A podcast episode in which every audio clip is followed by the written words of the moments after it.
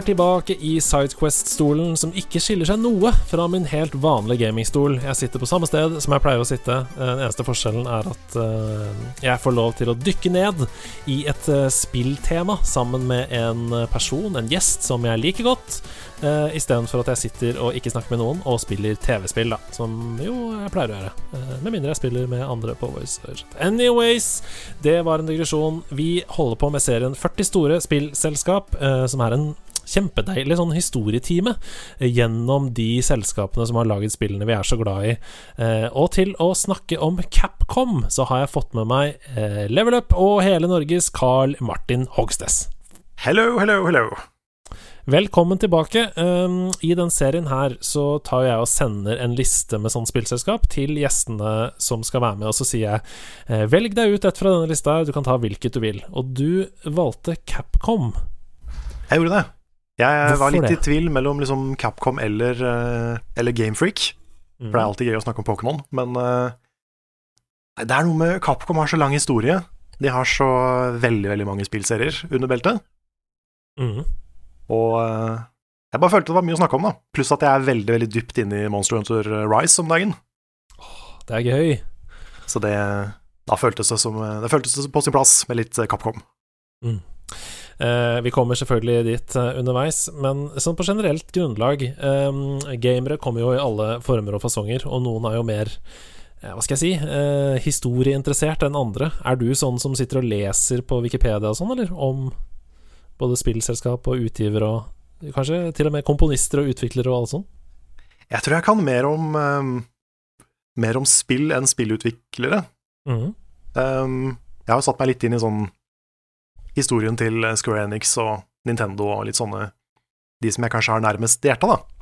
Ja. Men, uh, men, jeg har ikke voldsomt kunnskap om Capcom, så nå er jeg, er jeg spent på, på, å lære litt.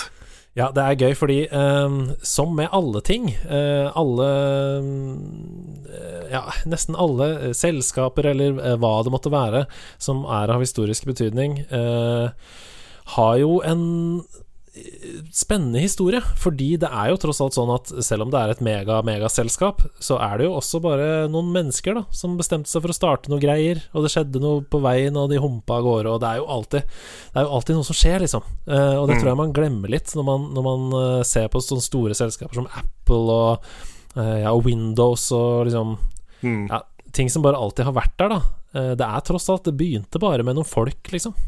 Ja, begynte kanskje med en garasje og noe utstyr, liksom.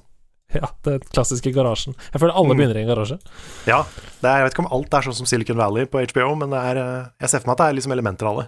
Ja, jeg tror det. Nei, jeg tror vi bare skal sette i gang. Det er en spennende historie. Uh, Capcom ble altså grunnlagt 30. mai 1979 i Osaka i Japan. Og det var Kenzo Chujimoto som uh, grunnla uh, Capcom. Capcom begynte sitt eh, firmaliv under navnet IRM Corporation, eh, men eh, et datterselskap som ble kalt Japan Capsule Computers Company, var inspirasjonen bak selskapets navneendring da, i juni ah, 1983 til det vi kjenner det som i dag, nemlig Capcom. Så Capcom står for Capsule Computing Company? Å, det er akkurat det det gjør, og vi kommer tilbake ah. til hvorfor litt eh, seinere. Men dette datterselskapet, Japan Capsule Computers, de var ansvarlig for eh, produksjon og distribusjon av elektroniske spillmaskiner.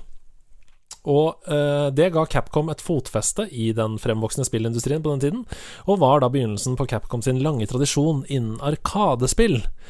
Eh, men litt tilbake til denne navneendringen i 1983. Fordi de som kjenner spillhistorien, de vet at 1983 spesielt, det var en vanskelig tid å komme inn i videospillindustrien på. Eh, det hadde skjedd et enormt krasj i hjemmekonsollmarkedet samme år, spesielt i USA, og det har vi jo snakket om i denne serien tidligere. Men noen ganger i tider med store endringer og nedturer, så er det også store muligheter. Uh, og i det kaoset som oppsto da uh, spillindustrien holdt på å rett og slett gå under som helhet, uh, så steg da denne japanske Fugl Føniksen Nintendo opp fra asken og gjenopprettet hele hjemmekonsollmarkedet. Og med Nintendo så fikk Capcom en gyllen mulighet, Og sammen med en rekke lisensierte, lisensierte Disney-titler så bidro Capcom sterkt til å drive den aller første Nintendo Entertainment System da, sin dominans i Vesten. Den 1983-krisa, eh, har du hørt om den før, eller? Ja, det store spillkrasjet, tenker du på? Ja, med ET og hele pakka. Oh yes. Det, det er så gøy at det, det, var en sånn legende det, i mange, mange år. At ja. ET lå begravd i Nevada-ørkenen, liksom. Og så gravde de det faktisk opp, og så var det der. Så var det der! det, er, det, er, veldig kult, for det var jo da et spill som uh, en stakkars utvikler fikk altfor lite tid på seg til å lage. Mm. Og det var så ræva at det krasja basically hele industrien. Ja, og det var jo eh, på en måte bare dråpen som fikk glasset til å uh, renne over. For mm. um, det var så mange spillkonsoller på den tiden, og de aller fleste var liksom bare ræva knockoffs av hverandre. Og det, og det, var altfor mange spill. Altså, um, folk pøste ut spill, liksom. Uh, som de jobba med i tre uker før de kom ut. Altså, det var, det var helt sånn herre Man skulle bare grovt utnytte seg da, av en trend, på en måte. Ja, ja, spillindustrien var litt der hvor eh, elektriske sparkesykler i Oslo er nå. At det er så mange at du liksom du har ikke oversikt over hvor mange selskaper det er lenger. Nei, det er helt riktig. Uh, dette navnet Capcom det er jo som nevnt tidligere i denne episoden sammensatt av da Capsule Computers, som ble uh, et begrep som ble laget av selskapet for å beskrive arkademaskiner uh, i seg selv. Og det var jo det de utelukkende produserte i begynnelsen. Uh, og Capsule Computers er da designa for å skille seg ut fra Personal Computers-navnet, uh, for PC-er var jo i ferd med å bli veldig utbredt på den tiden. Uh, og ordet kapsel det viser til hvordan Capcom sammenlignet denne spillprogramvaren med, og dette er en direkte oversettelse, en kapsel fullpakket av spill med morsom moro. Morsom moro. ja. Da er det gøy. uh, og ønsket da om å beskytte sin intellektuelle eiendom med det, dette bildet på et sånn hardt ytre skall, uh, capsule, uh, som forhindret da ulovlige kopier og dårlige imitasjoner, som vi nå vet, som jeg var inne på litt i stad, at var noe av grunnen til den store krasjen da, i 1983. Ha. Men Capcom sitt første produkt det var den myntdrevne arkademaskinen Little League, som kom i juli eh, 1983. Og mens det var det første produktet, så ble det første virkelig TV-spillet, nemlig arkadetittelen Vulgus, som vi snakket litt om før jeg trykka på rec her. Eh, Vulgus. Vulgus. Ja. Det, er, noe vulgært over det navnet. Vulgus. Ja, det høres ut som et organ som befinner seg mellom vulvaen og noe annet i nedre region. Ja. Vi kan si. Eh, jeg eh, kommer ikke til å google Vulgus, så hvis du har lyst til å finne ut hva slags spill Vulgus er, så anbefaler jeg deg å google ja. det. Er det trygt å google Vulgus? Vet ikke. Eh, google det i inkognito-modus, så er du helt sikker på at ikke, ja, det er lurt. Ikke um, PST sender deg en melding på Messenger. Mm. Um, Bulgus det ble porta til Nintendo Entertainment System, faktisk, altså den første Nintendo, i desember 1985. Og vips, så var eventyret i gang. Capcom begynte forsiktig å våge seg ut på markedet for hjemmekonsoll-videospill. Og hjemmekonsoll-videospill det skulle jo vise seg å bli deres aller viktigste område for business bare noen år senere. For Carl Martin, i 1987 skjer det det første virkelig store året i Capcoms historie. Og med bare fire måneders mellomrom så er det to store spillserier som ser dagens lys, som lever i aller høyeste grad, i hvert fall vil noen si det, fortsatt. Og den første, den heter Street Fighter.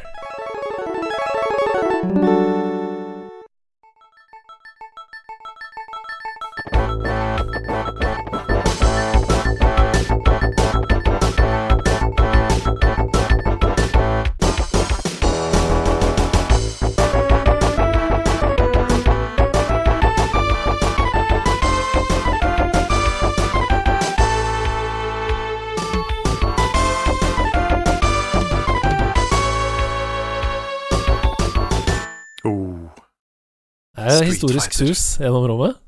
Det er det. Det er ingen som ikke har hørt om Street Fighter. Nei, det tror jeg ikke, ass. Nei. Jeg tror til og med mamma har hørt om Street Fighter. Ja, ikke sant. Jeg, jeg, sitter her nå og ser på uh, screenshots av det første spillet i 1987. Og det ser ikke ut som et spill fra 1987. Det ser mer moderne ut enn det. Ja, det er kult. Men det er også litt interessant at det er veldig få som har noe forhold til det første Street Fighter. Det er Street Fighter 2 som er kjent. Ja, det er veldig sant. Det kan jo ha noe å gjøre med Ja, jeg vet ikke at uh, det fikk kanskje ikke like um, Altså at det første Street Fighter fikk like mye um, kommersiell oppbacking i Vesten, da. Uh, Capcom var jo veldig Japan-fokusert i begynnelsen. Mm. Ja, det er sant. Men ja, Street Fighter, når vi, når, vi, kommer til en sånn serie i denne serien her, altså om spillselskap, så snakker vi på en måte om hele serien. Vi snakker ikke om Street Fighter 1 i 1987, og så kommer vi tilbake til det senere. Nå, nå skal vi snakke om alle Street Fighter-spillene, på en måte. Så um, hva er ditt forhold til hele den serien? Det er en sånn spillserie som jeg har spilt litt hos venner, egentlig. Mm, ja. Jeg tror aldri jeg har eid et Street Fighter-spill, men det er nok litt fordi da jeg begynte å sette meg litt inn i fighting-spill, så hadde jeg PlayStation og Tekken. Mm. Så jeg ble liksom han Tekken-kiden. Som ikke var god i det heller, men som i hvert fall spilte det litt. Det er gøy. Og, jeg har akkurat den samme historien, faktisk. Ja. Mm. Men jeg kjenner veldig mange som er sykt gira på Street Fighter. Da. Og jeg har skjønt at det er jo en superpopulær e-sport, og det er alt mulig Så det er jo det er jo en veldig sånn prestisje-fighting-spillserie.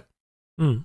Har jo litt forhold til karakterene og Har faktisk ikke sett den der cheesy eh, filmen, men den har jeg lyst til å se. Den kommer vi tilbake til. Åh, nice. Ja, nei, Street Fighter er i høyeste grad et uh, spill uh, som spilles på alle nivåer. Jo, jeg jobber jo i Nordavind, uh, disclaimer, og der har vi jo to spillere signert som spiller Street Fighter på heltid. Um, så jeg har jo, eh, selv om jeg akkurat som deg begynte med å spille Tekken, eh, det var på en måte mitt eh, slåssespill, så spilte jeg Street Fighter som et partyspill hos venner. Mm. Men det er på en måte først nå, etter at jeg begynte å jobbe i Nordavind, at jeg har fått et liksom ordentlig under huden, eller sånn Satt meg litt ordentlig inn i hva det er nå, da. Og det er jo helt sjukt avansert, altså. Det er det. På toppnivå, da. Mm. Jeg, jeg, kan Hadoken, men jeg er ikke voldsomt mye mer avansert enn det, altså. Nei. Nei, Street Fighter, uh, magisk på alle vis, og absolutt en serie som har satt sitt uh, stempel på kulturhistorien, vil jeg absolutt si. Det har vasket ut i andre områder også. Mm. Men den andre spillserien, som kommer fire måneder etter Street Fighter, den har du mye sterkere forhold til, for den heter Megaman.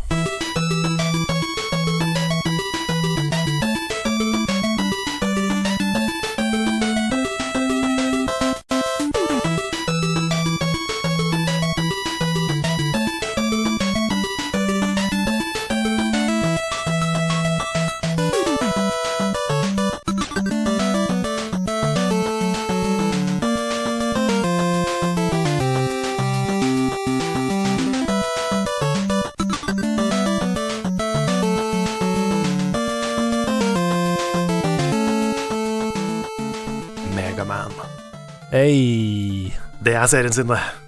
Eller Rockman, da. Rockman, ja. Det er en veldig rar oversettelse, egentlig. Fordi han er jo ikke stor. Nei. Men uh, det er rock som i musikken rock, da. Så, er det det det er? Ja, for han er jo ikke, han er ikke lagd av stein heller, så ingen av navnene gir egentlig veldig mye mening. Nei, fordi når jeg, ser, når jeg er på spillet her på Wikipedia, så står det Megaman, known as Rockman, og så i parentes så står det Rockuman. Ja, ja, fordi det er andre karakterer seinere, sånn som bass og blues og sånn. Ja. Så det er jo forskjellige musikksjangre, på en måte. Mm. Og så er det jo en sidekick som heter Roll. Ja, Rockman and Roll. så det er derfor, vet du. Ja, det er derfor. Ja, det er konge. Uh, Megaman vet jeg at du har et uh, nært og kjært forhold til, og jeg må bare si med en gang at hvis dere ikke har gjort det, så må dere gå inn på Level Up sin kanal og se på uh, når Carl går gjennom alle Megaman-spillene i videoer der, for det er så gøy. Altså, det Takk for det. Det, føl, det, føles nesten som en Game of Thrones-aktig serie. Det er sånn Jeg kan ikke vente med å sette på neste episode. Ja, for er, en twist! For en twist, ja. For det er jo ikke sant Det er jo seks Megaman-spill på NES, og det er de seks jeg går gjennom i, i de videoene nå. Mm. Um, og de er veldig like, men de er samtidig forskjellige på litt sånn spennende måter. Mm. Um, og måten de hele tida prøver å skjule at det er Dr. Wiley som er han slemme igjen. men de prøver liksom å gjemme det hver gang, men ikke så bra. I det sjette spillet så er det bare han, han literally bare har på seg solbriller og en bart. det er det. Men det må jo være selv... Det må være selvironi. Jeg håper det, altså. Det er veldig morsomt. Men, eh, men dette er jo Det første Megaman-spillet er jo ikke gøy. Nei. Det er det, er det suverent dårligste av de. Ja. Det er liksom frustrerende og for vanskelig og i det hele tatt. Men mm. så kommer Megaman 2 og er bare helt fantastisk. Det mener jeg fortsatt er bra, liksom. Ja, det er kjempebra, bortsett fra at det har det rareste coveret av alle. Ja, jeg syns Megaman 1 har det enda, har enda rarere cover. Eh, ja, ja, for nå sitter jeg bare og ser på Rockman-coveret her. Uh, ah, ja.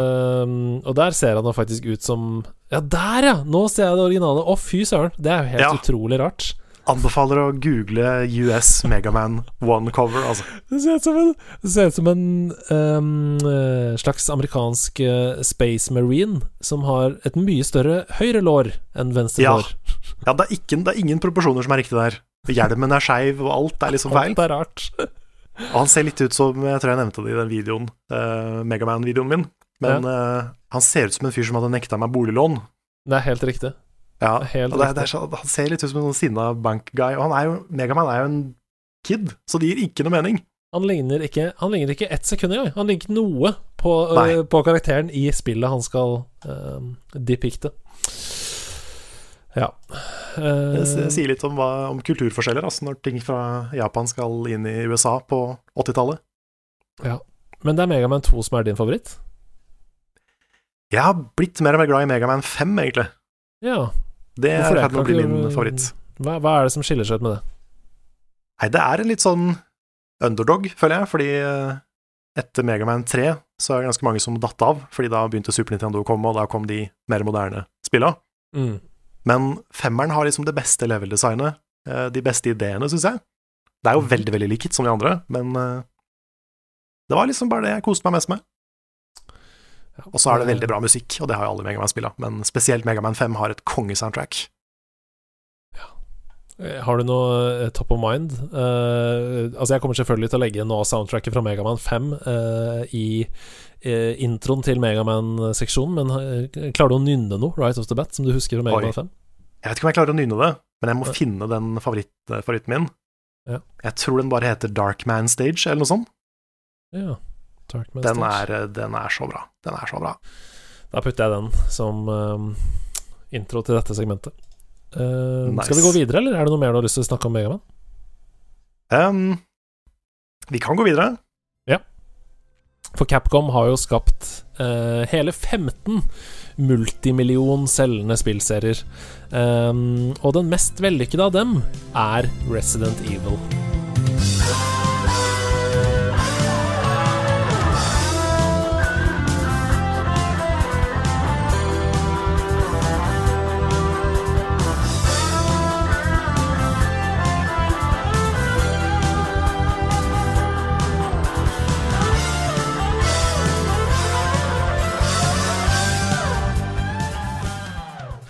Og det første Resident Evil-spillet i den serien, det kommer i 1996, der vi er nå i, i historien. Har du, spilt, uh, har du spilt det første, eller har du spilt remaken av det første? Eller har du spilt jeg har, ingen uh, jeg har, jeg har ikke spilt det, men jeg har sett begge to. Ja. Uh, jeg så på, husker jeg, når en kompis spilte det aller første da jeg var liten. Mm. Og det var jo så skummelt. Ja, det var altfor skummelt for meg. Jeg hadde ikke sjans til å spille det da jeg var liten. Nei, var, jeg hadde jo ikke sett et skrekkspill før i det hele tatt. Samme her. Så, det var mitt første så, møte med skrekkspill, faktisk. Mm, så kommer de der zombiehundene inn, og den der som snur seg sakte, og da var jeg bare Nei, jeg tror jeg skal gå hjem. Nope. ja, jeg nopa ut ganske fort. Ja. Men uh, jeg har sett en fullstendig playthrough av uh, remaken seinere. Og det er jo, jeg skjønner jo at de spillene der er populære. Ja, for Resident Evil fikk vel sin egen remake eh, ganske rett etter at det kom? Bare noen år etter at det kom? Eller var det Resident Evil 2? Fordi det, det, er et av de spillene der som uh, Nå skal jeg bare se på timelinen på, på her. Det er et av de spillene Ja, ikke sant? Resident Evil kom i 1996, og Resident Evil Remake kom i 2002. Ja, ikke sant. Så seks år etter uh, ditt ja. eget spill, så kommer det på nytt. For det var det som kom på GameCube, var det ikke det? Jo, absolutt. Jo. Stemmer. Uh, og så kom da Resident Evil 2 remake 17 eh, år etterpå, i 2019. Ja, tok seg god tid med den. Har du spilt noen av de andre Resident Evil-spillene i serien? Jeg har vært så vidt bortpå de. Mm. Jeg har ikke runda noen av de. Jeg har sett uh, komplette playthroughs av ganske mange. Jeg er ikke så veldig, jeg er ikke så veldig modig på skrekkspill fortsatt. Nei. Så det har ikke vært helt min sjanger. Men, men jeg har faktisk veldig lyst til å spille sjueren da, når det kommer nå. Nei, åtteren, mener jeg. Åtteren, Village.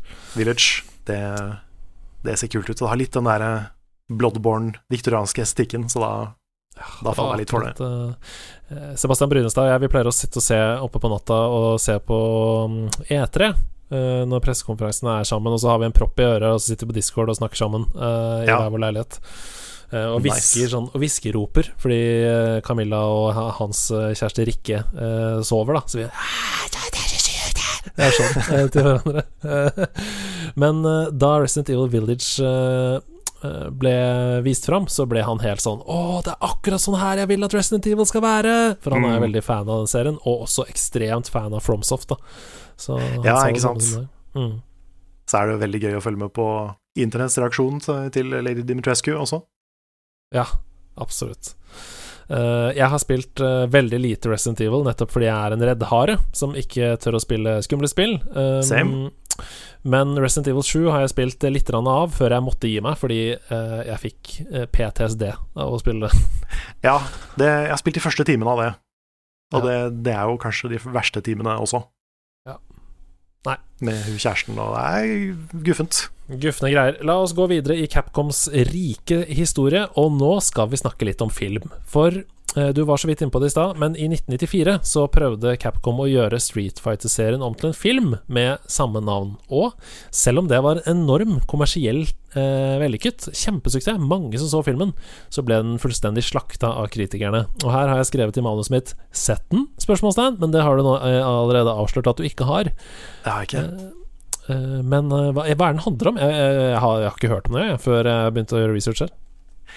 Nei, det jeg har hørt en del om den, men uh, jeg vet ikke om jeg klarer å liksom recappe filmen. Nei. Men det er jo da M. Bison, selvfølgelig, som er han slemme. Mm. Han er vel en sånn slem diktator, og så er alle de andre i timelopp på et eller annet vis for å ta ned han. Ja. Um, men det er jo sånn super cheesy 80s-film uh, på mm. mange måter. Med For jeg har sett Mortal Kombat-filmen, ja. og den er jo omtrent på samme nivå. Med masse Altså, det, det fins ikke noe mer cheesy, men det er så cheesy at det er gøy. Ja, ja, ja. Så um, jeg har lyst til å prøve å få arrangert en movie night hvor vi ser Street Fighter, altså. Ja, det er veldig gøy. Uh, jeg gleder meg til man kan møtes fysisk og gjøre sånne ting igjen. Er, vi mm. har vært flinke i nederlandslaget til å ha filmkvelder inne på Discord hvor uh, vi streamer, og spesielt nå under pandemien så har jo Discord vært flinke til å åpne um, for at flere kan se på stream der inne. Jeg vet jo at dere streamet på Komplett sin online-LAN, uh, f.eks. Um, så da har vi filmkveld hvor man kan hoppe inn i uh, kjellerstua, uh, filmrommet der, og så setter noen på en film som de streamer fra hjemme hos seg, og så sitter alle og ser på. Og så hvis man vil reacte underveis, så har vi et eget da, tekstrom som man kan reacte i. Og det er jo uh, koselig, det, men det er ikke mm. det samme som å sitte i et rom sammen. Nei, det er sant. Vi også har kjørt litt sånne Discord-filmkvelder, og mm. ender opp med å savne det å liksom sitte i en sofa med popkorn og, og sånn, altså. Ja. Popcorn, altså. Med folk. Ja, popkorn. Blir mye popkorn, skal sies. Folk, ass. Folk. Husker du folk? Husker du folk, eller? ja, folk. Det var bra. Vi snakker fortsatt om film, for en 2002-filmatisering av Resident Evil-serien møtte lignende kritikk hos uh, kritikerne som Street Fighter-serien, men var også kjempevellykket på kino. Mm. Uh, så Capcom som selskap De ser fortsatt på filmer som en måte å bygge salg rundt spillene sine. Og det er jo helt sjukt, fordi alle andre tenker jo sikkert omvendt. At ja. vi må lage en film av dette spillet, sånn at folk som har spilt spillet, kan se filmen. Det er sant. Men Capcom tenker omvendt. Vi må lage en film, sånn at flere spiller spillet vårt. Mm. Nå, skal det ikke komme en uh, Resident Evil-serie nå også, om, om Wesker-barna eller noe sånt? Oi, oi, oi, oi, oi. Jeg tror det skal komme på Netflix. Ja, jeg er bedre på å se skrekkfilm og skrekkserier og sånn, Fordi da kan jeg på en måte ja, Jeg slipper å ta valg på vegne av karakteren, og så kan jeg trykke på pause. Ja, sant. Du kan se vekk. Det er det, det, er det beste. Ja. Funker dårlig Og så fortsetter spill. Likevel. Ja, det er det. Da fortsetter ikke handlingen. Nei. Um, I denne perioden som vi er i nå, så fortsetter det å komme masse masse, masse spill fra Capcom. Og Det er sånn, det er bare å gå inn på uh, søke på List of Capcom Games, så ser man hvor mange spill det er. Og vi kan åpenbart ikke ta med alle i denne uh, episoden. Men de to neste store verdensomspennende uh, suksessene kommer nok en gang med bare tre måneders mellomrom. Og Det er så gøy, for det virker som om de har sånn uh, creative bolker, hvor de bare boom, mm. sprenger ut uh, et eller annet. Fordi i det herrens år 2001 så kommer det første av disse spillene, og det kommer som følger av arbeid med det andre spillet i Resident Evil-serien for PlayStation 2. Men dette er såpass radikalt forskjellig fra det første at Capcom bestemmer seg for å lage hele spillet om til en helt egen serie. Og denne serien heter Devil May Cry.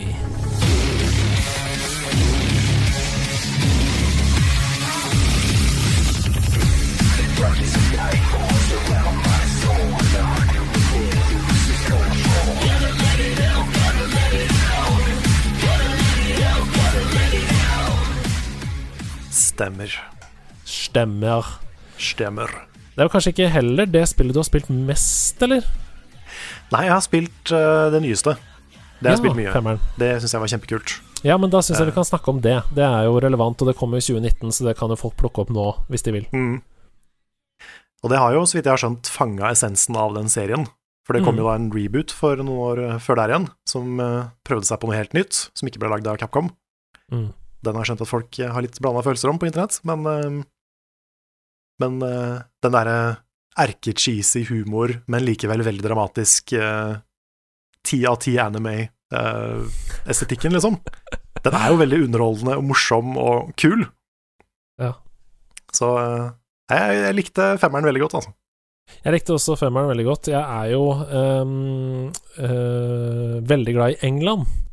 Eh, Mhm. og de siste årene så har vi dratt mye på ferie for, mens man fortsatt kunne det, til England på sommeren og reist rundt i sånne gamle, gamle byer og sånn. Og eh, ganske mange locations i uh, Devil May Cry 5 er jo inspirert av England.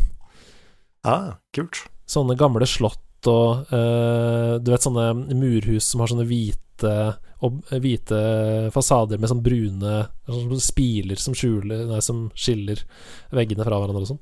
Mm. Um, men ja, Devil May Cry 5 det er jo action adventure, da, eh, hele den serien. Um, nok en gang uh, fristende å sammenligne med Bajonetta. Det er masse som skjer på skjermen. Uh, masse sånn combo, combo, combo hele tiden. Mm. Og du skyter og slåss med sverd og holder på. Ja, kan vi til og med plukke opp en motorsykkel og slåss med den uh, av og til. og det, det er liksom ingenting som er for over the top for den serien, da. Nei. Det er kjempe, kjempegøy.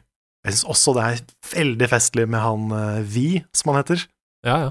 som er så unapologetically emo, liksom. Ja. Og, og det Jeg har ikke sett en sånn karakter siden uh, Shadow the Hedgehog i 2006 eller noe sånt. Det er deilig referanse. Men, men bare den derre badboyen som er litt sår, Ja. og den derre fuglen hans som spør om han tenker på mora si, og så svarer han liksom 'It's hard not to'. Det er så, det er så gøy. Så jeg sitter og gliser hver gang han sier noe, Ja. og har diktboka si, og det er bare perfekt. Eh, hoved... eh, altså main writer eh, bak Devil May Cry 5, han heter Bingo til fornavn. Så Bingo. Ja. Bingo, Bingo Moriashi. Eh, jeg tar det som et tegn på at um, noe av det som gjør spillet bra, er at det er litt bingo her og der. Det er litt bingo. Det er det. Ja. Det er jo da en trio. Vi skal gå videre her, altså, men jeg har bare lyst til å si at det er jo en trio i dette spillet. Eh, femmeren. Det er Nero, og så er det denne Vi, denne nye hovedpersonen som du snakker om. Og Mhm. ikke minst da Dante, Dante. som er i alle eh, Devil May Cry-spillene. Ja. Han var litt mer sånn dad-cool enn det jeg trodde han skulle være Ja. i det spillet her. Han har blitt litt eldre. Nå er liksom Mm. Nero er jo han litt sånn ungekule, mens Dante har blitt litt sånn pappakule, kanskje? Det er et eh, godt bilde, det, på kulhet. Jeg lurer på det. Den andre suksessen som kommer i 2001, eh, som sagt bare tre måneder før etter Devil May Cry, det er en finurlig og deilig liten godbit fra rettssalen, nemlig Ace Attorney-serien. Jeg hadde faktisk glemt at Ace Attorney var Capcom. Ikke sant? Det første spillet i den serien heter Phoenix Wright, Ace Attorney.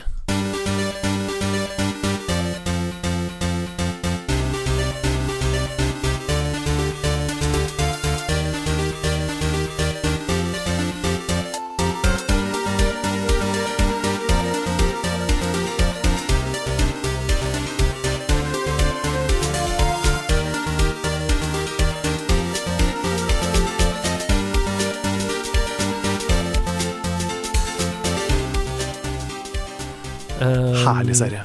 Ja, det er jo eh, noe av det aller beste på Nintendo DS, da. Det må jo sies. Det er det. Absolutt. Eh, Det har jo kommet på mange andre plattformer òg, selvfølgelig, men eh, det, det gjorde seg så godt på DS. Mm, det gjorde det. Fortell om Ace Attorney. Det er en veldig egentlig lavbudsjettsserie. Mm Eh, nesten som en sånn typisk, typisk visual novel-greie som pumpes ut i hytt og pinne. Absolutt. Men, jeg, tror, jeg, tror, ikke de så for seg at det skulle bli en liksom, enorm verdensomspennende suksess. Nei, men det, det handler da om en advokat, om Phoenix Wright, som, mm skal, som er nyutdanna og skal gjøre verden til et bedre sted. Mm. Og så er det da sånn fire-fem forskjellige saker i løpet av spillet som du må prøve å løse opp i. Og det som er litt morsomt, er at alle sakene er jo superpersonlige for Phoenix Wright. Mm. Det er jo ikke sånn han får en klient som han ikke kjenner. Det skjer vel én gang. Mm. Men de andre gangene så er det liksom bestevennen har blitt drept, eller et eller annet sånt. Så han er jo Jeg tror ikke det er helt sånn det funker med advokater i virkeligheten, men, eh, men han har da en super, super personal stake i alt han driver med. Mm. Pluss at han da har en rival eh, advokat, en eh, Hva heter det, aktor? Ja. Edgeworth. Det perfekte navnet Edgeworth. Mm. Hvor da Phoenix Wright har på seg blått, og Edgeworth har på seg rødt. Og de er da rivaler, men de er litt glad i hverandre. Det er litt sånn der uh, sexual tension mellom de noen ganger, til og med. Ja, det er så gøy. Jeg så den uh, videosnutten som um, Rune la ut av den skytesekvensen i, på ja. Twitter. I, det er vel fra Resident Evil, det. Det tror jeg stemmer. Uh, hvor det er sånn to bestevenner som egentlig ikke vil skade hverandre, som slåss. Så det er sånn ett og et ja. halvt minutt hvor de bommer på hverandre mens de skyter. mm. det er veldig gøy. Og Edgeworth er også en sånn perfekt sånn hvit type karakter. Mm. Som uh, liksom Hvorfor er du så snill, nå har jeg så mange unødvendige følelser. Mm. og, sånt ikke, hvor han bare Han er så bad boy, men han er jo egentlig god på bunnen, ikke sant? Ja. Og vil eh. bare være bestevenn med Phoenix Wright. Vi skal ikke snakke veldig lenge om Phoenix Wright, for det er mer igjen på lista her, men jeg har lyst til å bare uh, nevne kjapt at um, det solgte nok ikke uh, så mye som de trodde i uh, Japan, for det var bare det 163. besteselgende spillet i Japan. Um, ja. litt over 60 000 kopier solgt, men da det traff USA, så tror jeg ikke de skjønte helt hva som skjedde. For det ble utsolgt med en gang, og det var nesten umulig å få tak i. Eh, de måtte printes opp mange ganger, og til og med tredje, det tredje opplaget av spill ble solgt ut på en uke. Um, så eh, bare liksom noen måneder etter at det hadde kommet ut, så hadde det solgt 100 000 kopier i USA, og det var bare fordi det ikke var flere kopier igjen. Så wow. um, Capcom sin visepresident Hva sa du? Jeg lurer på hvorfor det. Nei, det er vel fordi uh, law, law and order og sånn mm. jus og sånn er jo svært i USA, da. Det er jo det. Merca. Ja, sant. Det er masse underholdning rundt det. Men ja, eh, så visepresidenten i Capcom var veldig overraska over dette her. Men det førte jo til at de bare uh, gønna på med flere spill i serien. Og en litt sånn gøy legacy-ting rundt Phoenix Wright, det er at uh, regissøren av Danganronpa-serien, Kazutaka Kodaka, sa ja. at uh, Phoenix Wright sin suksess, altså dette første spillet, uh, sin suksess i Nord-Amerika, var hovedmotivasjonen for å lage Danganronpa. Um, og det de så til, var hvordan, hvordan um, Phoenix Wright skilte seg fra de aller fleste andre sånne visuelle noveller, altså visual novels. Med å også ha gameplay. Ja. Um, så det tenkte Danganronpa. Det må vi også gjøre. Vi har lyst til å lage visual novel, men vi vil veldig gjerne ha gameplay i tillegg, og det gjorde at Danganronpa også ble en suksess da, i Nord-Amerika. Ja, for det, det, er lett å se at, de, at det er inspirert, altså. Mm. Danganronpa har jo veldig veldig mye av Phoenix Wright i seg. Ja. Med liksom samme type gameplay, samme type rettssaler som er ekstremt over the top. uh, som bare Han kaster argumenter, og så objection, og fram og tilbake. Vi skal hoppe tre år fram i tid, vi, eh, til 2004, og en serie som jeg vet at du ikke har hatt så sterkt forhold til historisk, men som du har blitt veldig, veldig glad i de siste åra, og det er selvfølgelig Monster Hunter.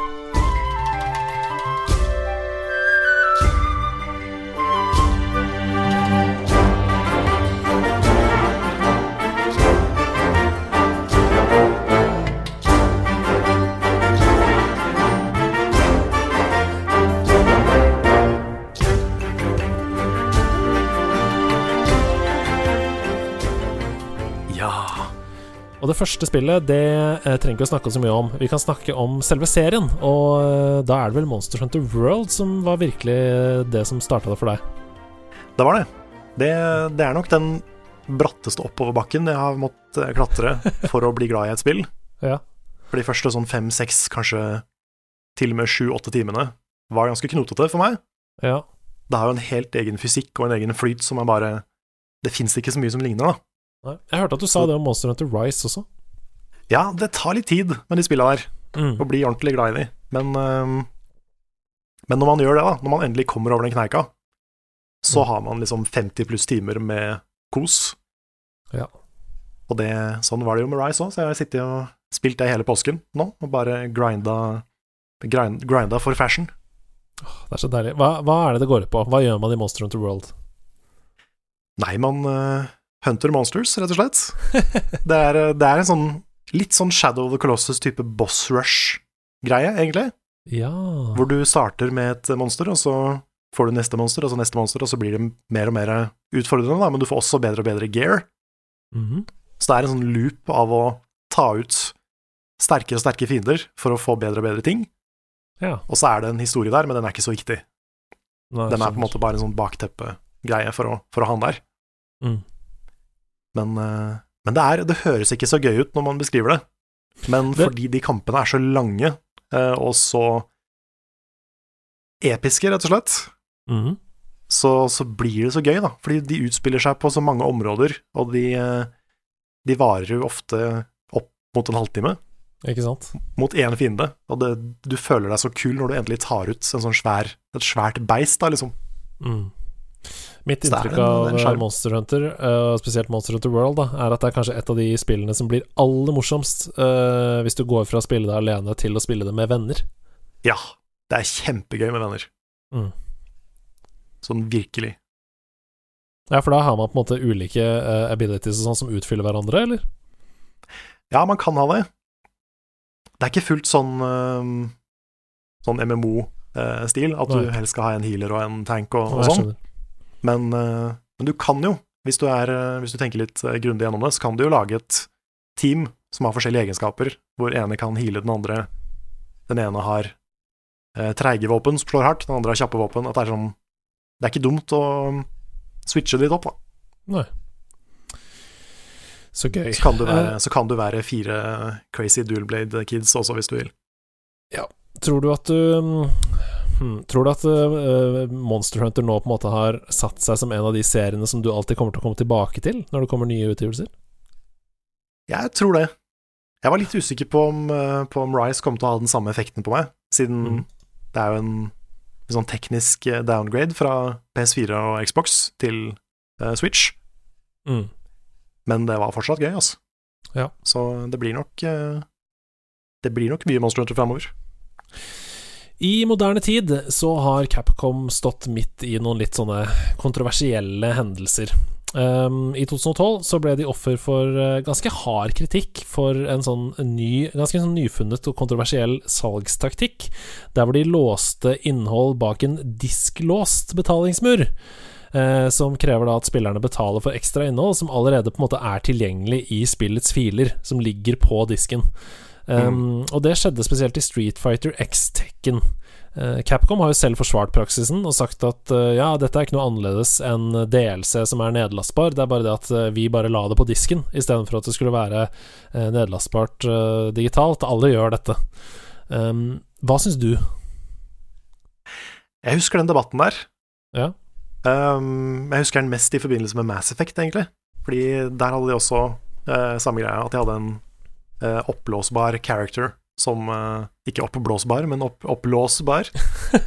eh, som, eh, som du bare fikk hvis du betalte ekstra, da, men som lå på Mm. disken. Ja. Jeg hadde ikke noe sånn voldsom stake i den debatten, men det var jo en periode hvor DLC var veldig kynisk. Nå har jo på en måte mikrotransaksjoner og sånn tatt over litt den rollen, da, Mm. og blitt den nye kjipe, kyniske tingen. Ja. Men jeg vet ikke, disken er ikke så relevant lenger heller, da. Så jeg skjønner, jeg skjønner at det var reaksjoner da, men nå er jo ofte disken bare en sånn installasjonsfil, eller noe sånt. Mm. Og så, kommer, og så laster man ned spillet uansett. Det var altså Alle ting som er nytt, vil jo være kontroversielt uansett. Um, og selv om det, det at det var på en måte fastlåst på disken, føltes veldig sånn eh, Åh, fy søren, nå har jeg til og med betalt uh, x antall hundre kroner for dette fysiske produktet, og så får jeg ikke Mm. alt som er på produktet. Jeg skjønner Nei, at det føltes veldig vondt der og da, men det er jo som Capcom sier, at uh, i flere tilfeller så har jo innhold bevisst blitt utelatt fra spillet, bare, og så har det bare ligget og blitt ventende digitalt. uh, for så å få det åpna opp. Um, og det er jo det samme. Det er bare at det ligger ikke hos spilleren, det ligger på en server hos selskapet, på en måte. Eller utgiveren. Ja, sant. Jeg tror den debatten der gikk også litt ut på sånn at det var dag én-DLC, da. Mm. At uh, spillet var jo ferdig, og DLC-en var ferdig, så hvorfor ikke bare få det med en gang? Ja. Og den, den, kan jeg egentlig skjønne. Det at det er DLC med en gang spillet kommer, det er jo litt sånn Da har du jo bevisst holdt det tilbake. Ja, men smaker så, det bedre for deg som forbruker hvis du liksom Tre måneder etter så kommer det en DLC, og så sier de sånn 'Nå har vi jobba med dette fram til nå.' Så har de jo ikke det. De har bare, de har bare ligget og venta for å nettopp at det ikke skal bli reaksjoner som dette. Er det, liksom, ja, det er sant. Det er jo litt tipp som opp. Det er jo det, det, føles jo bare som at det er bedre å lyve, da, på en måte. Ja, sant. Men jeg syns jo samtidig at den beste delscenen um, Det er jo litt Litt synd, fordi det er ofte den delscenen man ikke tester, fordi det kommer så, så lenge etterpå. Men uh, ja. sånn som From Software sine delser, da, som er mm. De gis kanskje ut et år etterpå, mm.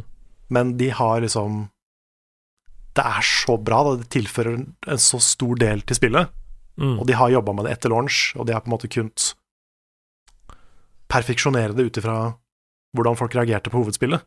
Akkurat det. Tilpasse det etter feedback. Det er jo, det ja. er jo That's the way, liksom. Det, det er jo den beste, beste delscenen. Ja.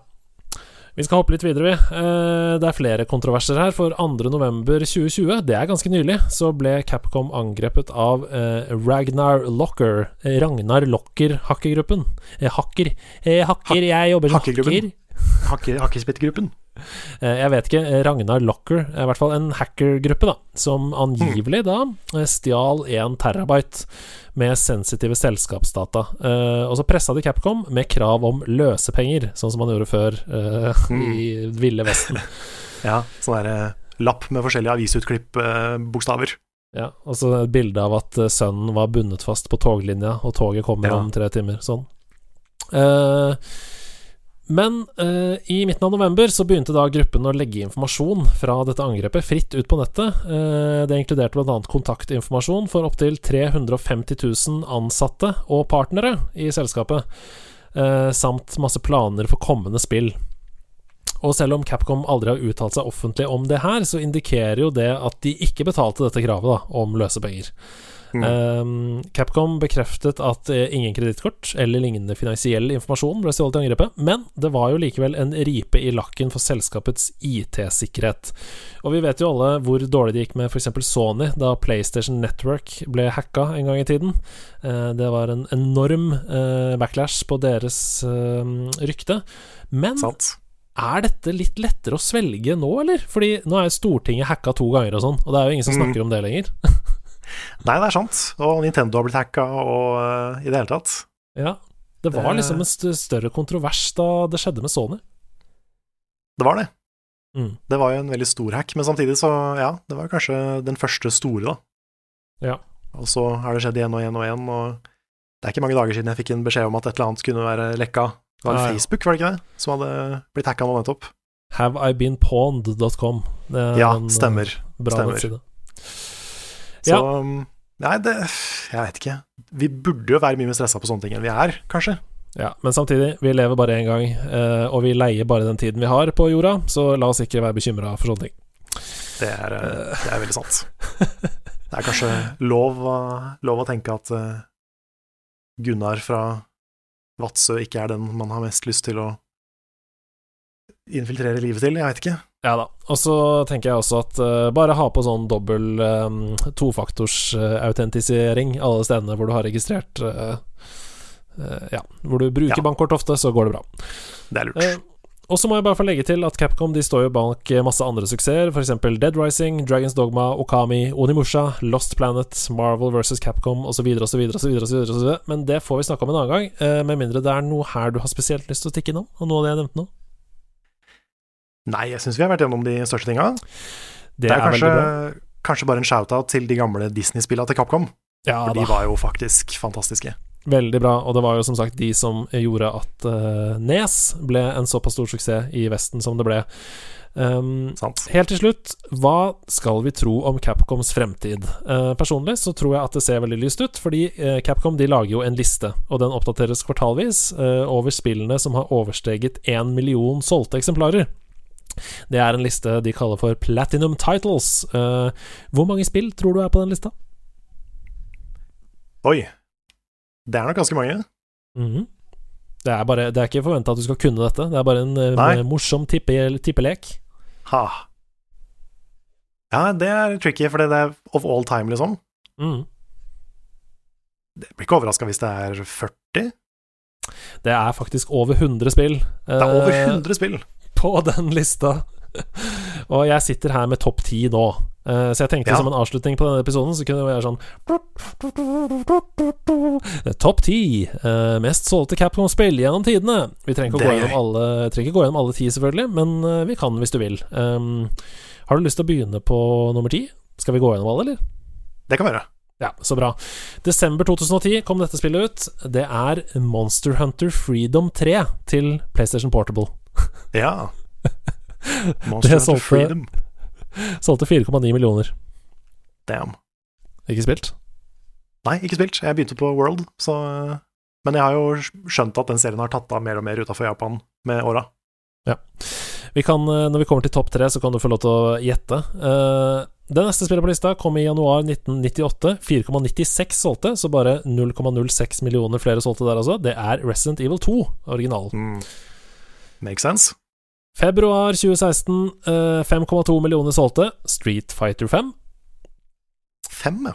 Ja, juni, og det er litt gøy, fordi det er jo um, ikke så veldig rart at uh, moderne spill um, er høyt oppe på denne lista her, for det trenger ikke nødvendigvis å være de beste. Det er bare det at det er så mange flere som har tilgang til å kjøpe spillet. Det er sant. Uh, enn f.eks. i 1992, da. Sant. Den mm. spillindustrien har vokst litt siden, siden da. Ja, Apropos 1992, det neste spillet er fra 1992. Uh, 6,3 millioner solgte, det er Street Fighter 2. Ja. September 2019, 7,2 millioner solgte Monster Hunter World Iceborne. En DLC, faktisk. Oh yes, 7,2 millioner. Det er bra uh, solgt for en DLC. Veldig, veldig bra. Uh, oktober 2012, 7,7 millioner solgte Resident Evil 6. Mars 2009, 7,8 millioner solgte Resident Evil 5. Og nå er vi på topp tre. Mm. Jeg kan gi deg hint om at dette spillet kom i januar 2019, og det har også solgt 7,8 millioner. Januar 2019 Kan det være Resident Evil 7? Å, det er nære. Det er Resident Evil 2 remake. Ah. Som kom i januar 2019. Men ja, på andreplass 7 kom tidligere. Ja. På andreplass januar 2017, 8,5 millioner solgte. Januar 2017? Mm -hmm. Er det Monster Hunter World? Nei, det er Resident Evil 7. Biohazard. Ah, der var den. Helt Skuffende. på toppen av lista med dobbelt så mange solgte eksemplarer som andreplassen. 16,8 millioner solgte eksemplarer januar 2018. Hæ? Det er Monster Hunter World. Det er helt riktig. Tenk, det er det mest solgte uh, Capcom-spillet gjennom tidene. Med dobbelt så mange som ja, andreplassen. Det er spesielt, altså, med så mange spill som Capcom har stått for. Ja.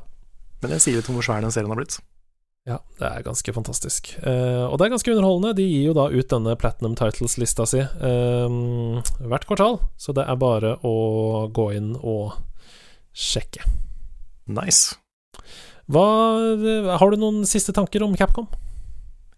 Syns du det var gøy? Ja, det var veldig gøy. Det er kult å, kult å se tilbake på et selskap som jeg egentlig kan veldig lite om, men uh, har spilt veldig mye.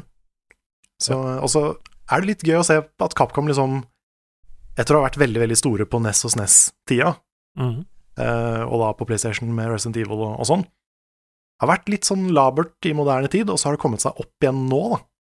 Mm. Med liksom Resident Evil 7, som var suksess, Monster Hunter World, som var suksess. Um, mm. Litt sånn som hele den japanske spillindustrien, egentlig, at uh, ting har vært litt labert og kommet opp igjen. Mm. Så jeg håper at det fortsetter å gå oppover. Det er veldig gøy. Det er fine siste ord. Jeg skal for alltid ta med meg at uh, når noen sier ordet Capcom til meg, så skal jeg huske Capsule Computers, eller altså yes. en kapsel fullpakket av spill med morsom moro. Og det spillet, hva heter Vol... Vul oh, ja, ja, Vulgus. Vulgus. Vulgus. Ja. Når noen spør meg om favoritt-Capcom-spill, så kan jeg svare Vulgus. Med det så sier vi takk for oss. Du får si ha det bra eh, til våre vulgære lyttere. Vulgus! Vulgus!